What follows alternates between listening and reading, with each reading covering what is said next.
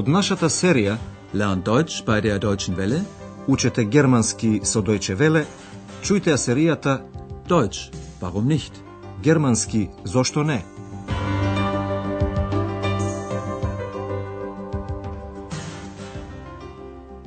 Liebe Hörerinnen und Hörer, Драги слушателки и слушатели, денес ќе слушнете втората лекција од четвртата серија.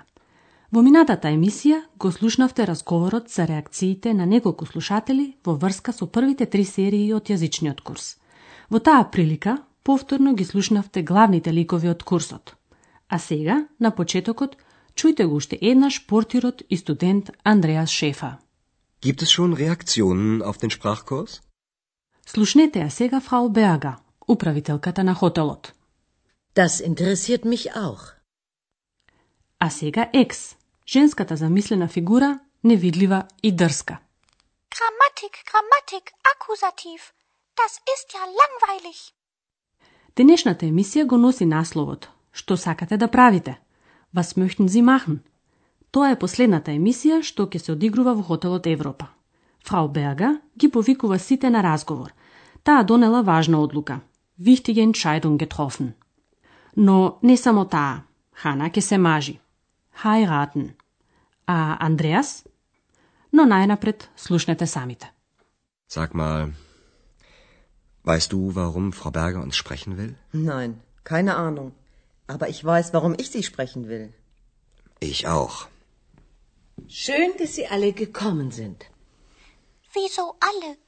Mich hat sie nicht gefragt, ob ich komme. Ex, ich habe gehört, was du gesagt hast. Entschuldige, du bist natürlich auch willkommen. Also, ich habe eine wichtige Entscheidung getroffen. Jetzt wird es interessant. Ich auch, Frau Berger. Ich muss Ihnen unbedingt etwas sagen. Gleich, Hanna, gleich. Aber es ist sehr wichtig. Ich werde nämlich heiraten und da möchte ich nicht mehr arbeiten. Ja, das ist wirklich eine Überraschung. Ich kann auch nicht mehr hier arbeiten. Ich bin doch mit meinem Studium fertig und habe gleich einen super Auftrag bekommen. Was für einen denn? Ich soll Reportagen über die östlichen Bundesländer schreiben. Interessant. Genau dahin will ich gehen. Wie bitte? И самите се уверивте дека нешто ќе се промени. Слушнете го разговорот уште еднаш. Фрау Беага ги повикува Андреас и Хана на разговор во хотелот Европа. Таа не им ја кажува причината за разговорот. Андреас ја прашува Хана дали може би таа знае зошто Фрау Беага сака да разговара со нив. Sag mal, weißt du, warum Frau Berger uns sprechen will? Хана не знае, но и таа од своја страна има причина да разговара со Фрау Беага. Nein, keine Ahnung. Aber ich weiß, warum ich Sie sprechen will. Кога фрау Беага ќе ги поздрави сите, екс Тивко ќе се пожали. Зошто сите? Па мене не ми прашаа дали ќе дојдам. Schön, dass Sie alle gekommen sind. Wieso alle? Mich hat sie nicht gefragt, ob ich komme. Фрау Беага и се извинува на екс и вели дека и таа е добродојдена. Entschuldige, du bist natürlich auch willkommen. Потоа фрау Беага ја објаснува причината зошто ги повикала сите кај себе и вели. Јас донесов многу важна одлука. Also, ich habe eine wichtige Entscheidung getroffen. И Хана донела важна одлука и не можејќи да дочека, веднаш ја соопштува. Јас ке се мажам и затоа не сакам повеќе да работам. Ich werde nämlich heiraten. Und da möchte ich nicht mehr arbeiten. Фрау Берга скоро и да нема време да се соземе од изненадувањето и убавата новост. Андреас, кој ги завршил своите студии, добил супер задача. Super Auftrag. И затоа и тој повеќе нема да работи во хотелот Европа. Ich kann auch nicht mehr hier arbeiten. Ich bin doch mit meinem Studium fertig und habe gleich einen super Auftrag bekommen. Андреас треба да пишува репортажи за источните сојузни покрајни. Ich soll Reportagen über die östlichen Bundesländer schreiben. За источните сојузни покрајни, östliche Bundesländer, се сметаат оние покрајни кои припаѓаат на Сојузна република Германија од 1990 по соединувањето на Источна и Западна Германија. Тоа е територијата на поранешна Германска демократска република, каде германците од западниот дел не смееја да патуваат повеќе од 40 години. Фрау Берга сака да оди токму таму, дахин. Interessant. Genau dahin will ich gehen. Но каде точно ќе оди, не знае ни самата Фрау Берга. Може би на Риген, Рюген, тоа е еден прекрасен остров, или во Лајпциг, Лајпциг, стар сајмски град, родниот град, Heimatstadt, на доктор Тюрман. Слушнете сега што планира да прави таму Фрау Берга. Frau Berger, jetzt sind Sie aber endlich dran. Mich interessiert, was Sie machen möchten. Ganz einfach. Ich bin jetzt so lange in Aachen. Ich kenne die Stadt und die Menschen. Jetzt möchte ich ein neues Hotel aufmachen. Und wo? Irgendwo in den östlichen Bundesländern. Vielleicht auf Rügen oder in Leipzig oder. In Leipzig? In der Heimatstadt von Dr. Thürmann? Ich weiß noch nicht, ob ich wieder in eine Stadt möchte. Ich brauche einfach noch Zeit. Ich will in Ruhe suchen.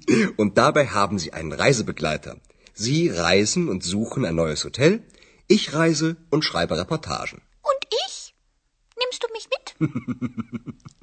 Sowieso. Фрау Беага значи сака да отвори нов хотел. Внимателно слушнете го разговорот уште еднаш. Андреас е заинтересиран за плановите на Фрау Берга. Mich interessiert, was Sie machen möchten. Фрау Берга веќе долго време е во Ахен и го познава градот и луѓето, па затоа сака да работи на нешто ново. Таа сака да отвори Aufmachen нов хотел. Ich bin jetzt so lange in Aachen. Ich kenne die Stadt und die Menschen. Jetzt möchte ich ein neues Hotel aufmachen. Кога таа почнува да зборува за размислувањата да отвори нов хотел на островот Риен или во Лајпциг, Андреас се присетува дека Лајпциг е родниот град, Heimatstadt, на доктор Тюрман. Irgendwo in den östlichen Bundesländern. Vielleicht auf Rügen oder in Leipzig oder In Leipzig? In der Heimatstadt von Dr. Thürmann? Но фрау Берга се уште не знае дали би сакала повторно да живее во град. ich weiß noch nicht, ob ich wieder in eine Stadt möchte. Фрау Берга не сага толку бргу да донесе одлука. Се уште ми е потребно време. Сакам на мир да побарам. Ich brauche einfach noch Zeit. Ich will in Ruhe suchen. Андреас ја поддржува. А при тоа ќе имате и придружник. Und dabei haben Sie einen Reisebegleiter. Тој би сакал тие заедно да патуваат. Reisen. Фрау Берга ќе бара хотел, а тој ќе ги пишува своите репортажи. Sie reisen und suchen ein neues Hotel. Ich reise und schreibe Reportagen. Екс мисли дека за неа нема да има место во овие планови, но се разбира, Андреас ќе ја земе со себе. Und ich? Nimmst du mich mit? Sowieso. Сега ќе ви објасниме како прашалните реченици можат да се претворат во индиректни зависни реченици.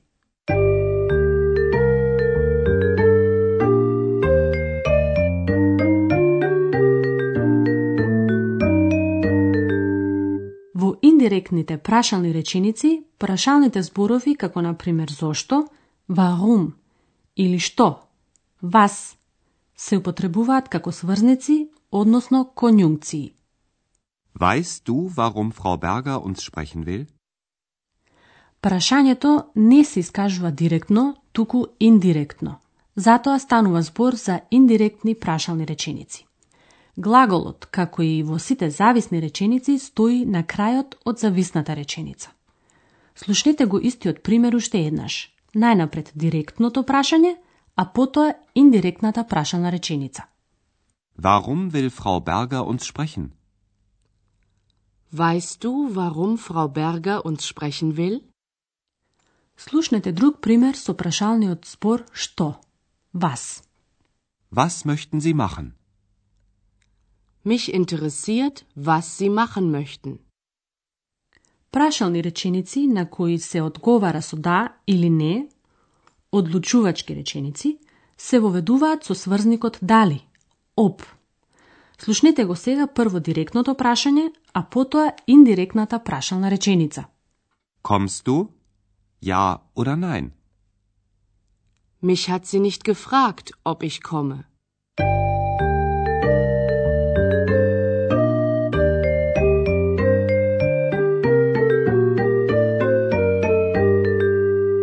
Крајот слушнете ги двата дијалози уште еднаш. Седнете удобно и слушајте внимателно.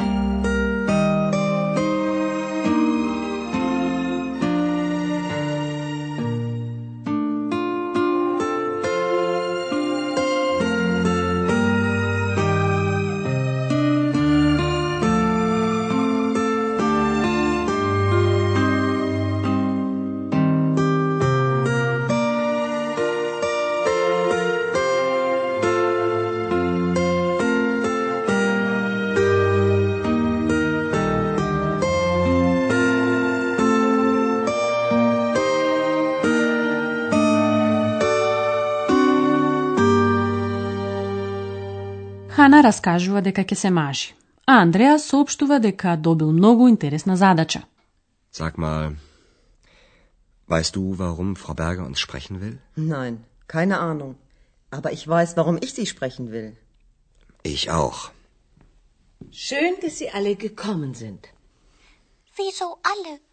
Mich hat sie nicht gefragt, ob ich komme. Ex, ich habe gehört, was du gesagt hast. Entschuldige, du bist natürlich auch willkommen. Also, ich habe eine wichtige Entscheidung getroffen. Jetzt wird es interessant. Ich auch, Frau Berger. Ich muss Ihnen unbedingt etwas sagen. Gleich, Hanna, gleich. Aber es ist sehr wichtig. Ich werde nämlich heiraten und da möchte ich nicht mehr arbeiten. Ja, das ist wirklich eine Überraschung. Ich kann auch nicht mehr hier arbeiten. Ich bin doch mit meinem Studium fertig und habe gleich einen super Auftrag bekommen. Was für einen denn? Ich soll Reportagen über die östlichen Bundesländer schreiben. Interessant. Genau dahin will ich gehen. Wie Was? bitte? Frau Berger ima namera da otvori nov hotel v istočnite sojuzni pokrajini. Frau Berger, jetzt sind Sie aber endlich dran. Mich interessiert, was Sie machen möchten. Ganz einfach. Ich bin jetzt so lange in Aachen. Ich kenne die Stadt und die Menschen. Jetzt möchte ich ein neues Hotel aufmachen. Und wo? Irgendwo in den östlichen Bundesländern.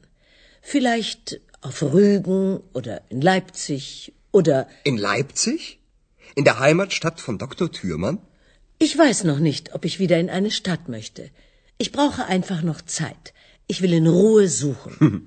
Und dabei haben Sie einen Reisebegleiter. Sie reisen und suchen ein neues Hotel. Ich reise und schreibe Reportagen. Sowieso. Патувајте со нас во источните сојузни покрајини. Придружете ни се и ќе слушнете за природното и културното богатство што го нудат тие земји. Сето ова ќе го дознаете во четвртата серија, а веќе во следната емисија ќе ја чуете првата репортажа на Андреас. До тогаш, до слушање. Тоа беше германски «Зошто не?» радиоговорен курс на Херат Мезе во продукција на Дојче Веле и на Гетовиот институт од Минхен.